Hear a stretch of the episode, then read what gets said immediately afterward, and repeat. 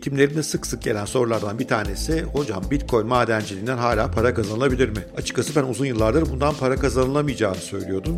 Çünkü Bitcoin madenciliği artık çok zor. Çok profesyonel makinelere ihtiyaç var. Hatta profesyonel makineler de yetmiyor. Tek başınıza bir makinenizin olması değil, havuzlar halinde, topluluklar halinde mücadele etmeniz gerekiyor. Çünkü Bitcoin madenciliği artık çok zorlaşmış durumda. Ben hep böyle söylüyordum ama bu hafta acayip bir sürpriz oldu. İki tane solo madenci yani tek başına madencilik yapan, evlerindeki makinelerle diyelim madencilik yapan iki kişi arka arkaya blok buldu ve 6.25'er Bitcoin kazandılar. Yani bugünün cari fiyatları aşağı yukarı 250'şer bin dolar para kazanmış bu iki solo madenci. Uzun zamandır solo madencilerin böyle bir zaferi yoktu. Bu beni çok şaşırttı. Acaba dedim solo madencilik yapmak tekrar karlı hale mi geldi? Benim bilmediğim bir şeyler mi dönüyor? Hesap kitap yapayım dedim işin içinden çıkamadım. O sırada Twitter'da harika bir bilgisayara denk geldim. Bir Twitter yorumcusu bu piyangonun öyle diyelim size de çarpması için ne yapmanız gerekiyor hesaplamış. Ne kadar zaman harcamanız lazım, ne kadarlık makine alımı yapmanız lazım, ne kadar sabırlı olmanız gerekiyor ve ne kadar şanslı olmanız gerekiyor. Şimdi bütün o rakamları sizle paylaşacağım. Hakikaten enteresan. Sonra siz de kendi kararınızı verin. Bakalım Bitcoin madenciliği yapmayı düşünecek misiniz? Yoksa Bitcoin alarak ben bu işi daha kolay hallederim diyecek misiniz?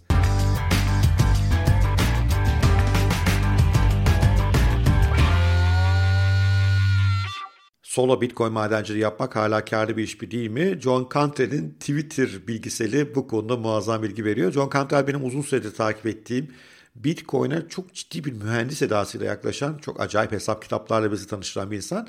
Yine bu bilgiselin içerisinde başka bir bilgisayara de bağlantı veriyor. Orada da Bitcoin madenciliği nedir, hash rate nedir onları anlatıyor.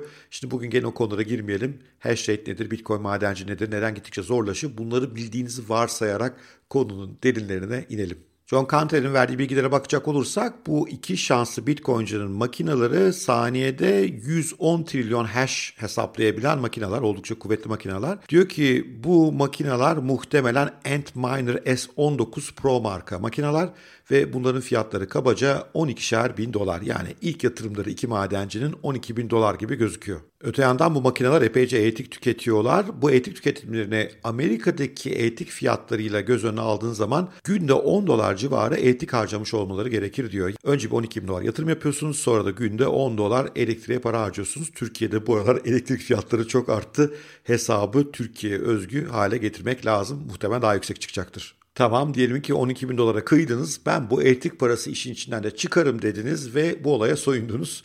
Bu da yetmez. Çok da şanslı olmanız lazım. Hem de çok çok çok çok şanslı olmanız lazım. Burada John Cartel'in verdiği rakamlar hakikaten inanılmaz. John Cantel diyor ki bugünkü Bitcoin madenciliği zorluk seviyelerine göre ki bu zamanla çeşitli koşullara göre değişebiliyor. Bir tek bloğu yakalayabilmek için üretmeniz gereken hash adedi 104 milyar 669 milyon 950 bin 140 kez kere trilyon. Şimdi eğer sizin makinenizin gücü de bu iki madenci kardeşimizdeki gibi saniyede 110 trilyon hash üretme kapasitesine sahipse 10 dakikada ki 10 dakika bir bloğun kapanma süresi 66 bin trilyon hash üretebiliyorsunuz. Yani bir bloğu yakalama ihtimaliniz 100 binde 6. Bu kabaca 6 haneli bir milli piyango biletindeki çekilişte büyük ikramiye kazanmakla aynı ihtimal.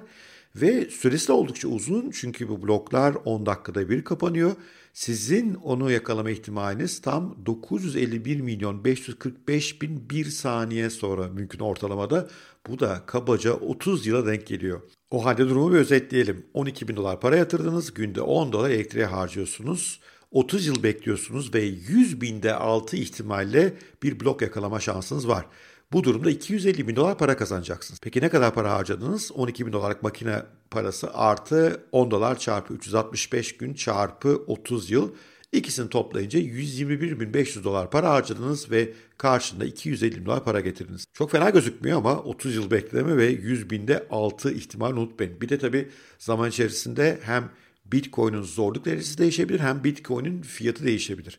Bitcoin'in fiyatı artarsa ne güzel ama düşebilir de o size ne gün denk geleceğine bağlı. Bitcoin zorluk derecesi bu rakamları, bu hesaplamaları daha da zor hale getiriyor olabilir. Peki bütün bu zor hesaplamalardan sonra sola madencilik yapmaya değer gibi gözüküyor mu? Pek hayır değil. Yani süper şansınıza güvenmiyorsanız belki 30 yıldır 2 yılda size vuracak. Bu kadar şanslı değilseniz pek değmez gibi gözüküyor. Onun yerine diyor ki kanter gidin bir havuza katılın. Bir havuza katıldığınız zaman günlük olarak ortalama 28 dolar getiriniz olur. E ondan da elektriği düşünce günde 18-20 dolar arasında para kazanırsınız diyor. Bu bile daha iyi bir yöntem. Gerçi orada da makineye 12 bin dolar vermiştiniz hatırlarsanız. Günde 20 dolar kazanıyorsanız kabaca 600 gün sürüyor makinenin kendini geri ödemesi.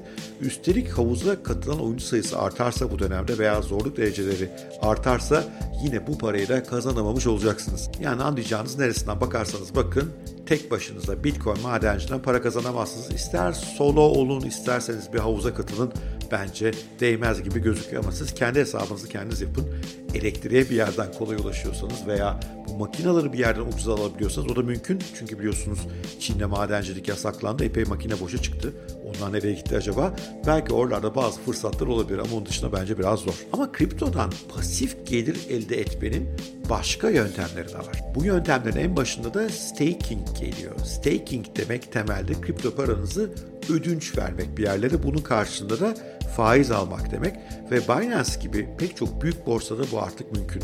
Daha yüksek riskli coinlerde staking yaparsanız epey yüksek getiri elde edebiliyorsunuz. Buna karşın Ethereum gibi büyük coinlerde staking gelirleri bir hayli düşük ama yine orada da gelir fırsatları var. Özellikle kriptonuzu uzun vade elinizde tutmak istiyorsanız pasif olarak orada duracağına biraz gelir elde etmesi faydalı olabilir. Ama tabii oralarda da epey riskler var.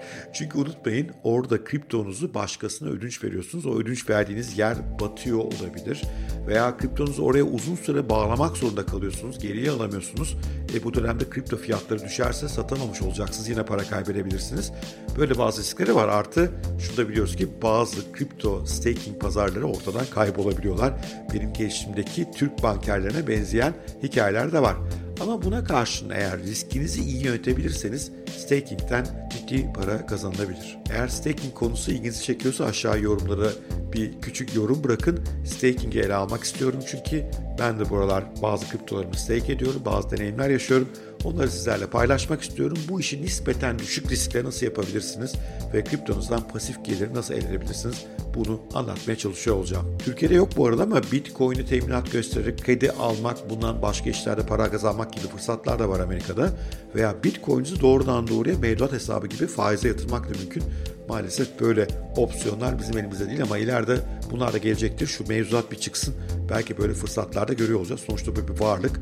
Bu varlığı bir teminat olarak gösterip kredi almak da mümkün olmalı bence. Riskini alana tabii. Bir yandan da bunu faize yatırıp para kazanmak da mümkün olmalı. Bununla ilgili Türkiye'de de önümüzdeki yıllarda bazı araçların devreye gireceğini tahmin ediyorum. Evet, bugünkü podcast'ın sonuna geldik. Umarım ilginizi çekmiştir. Bitcoin madenciliği herkesin kafa yorduğu konulardan bir tanesi. Biraz detaylarına girmek istedim. Bu hesaplamalar umarım işinize yarar. Eğer işinize yaramışsa, hoşunuza gitmişse bir like, bir yorum süper olur. Kanalda daha fazla öne çıkarız, daha fazla insana ulaşırız. Sevgiyle kalın, hoşça kalın, görüşmek üzere.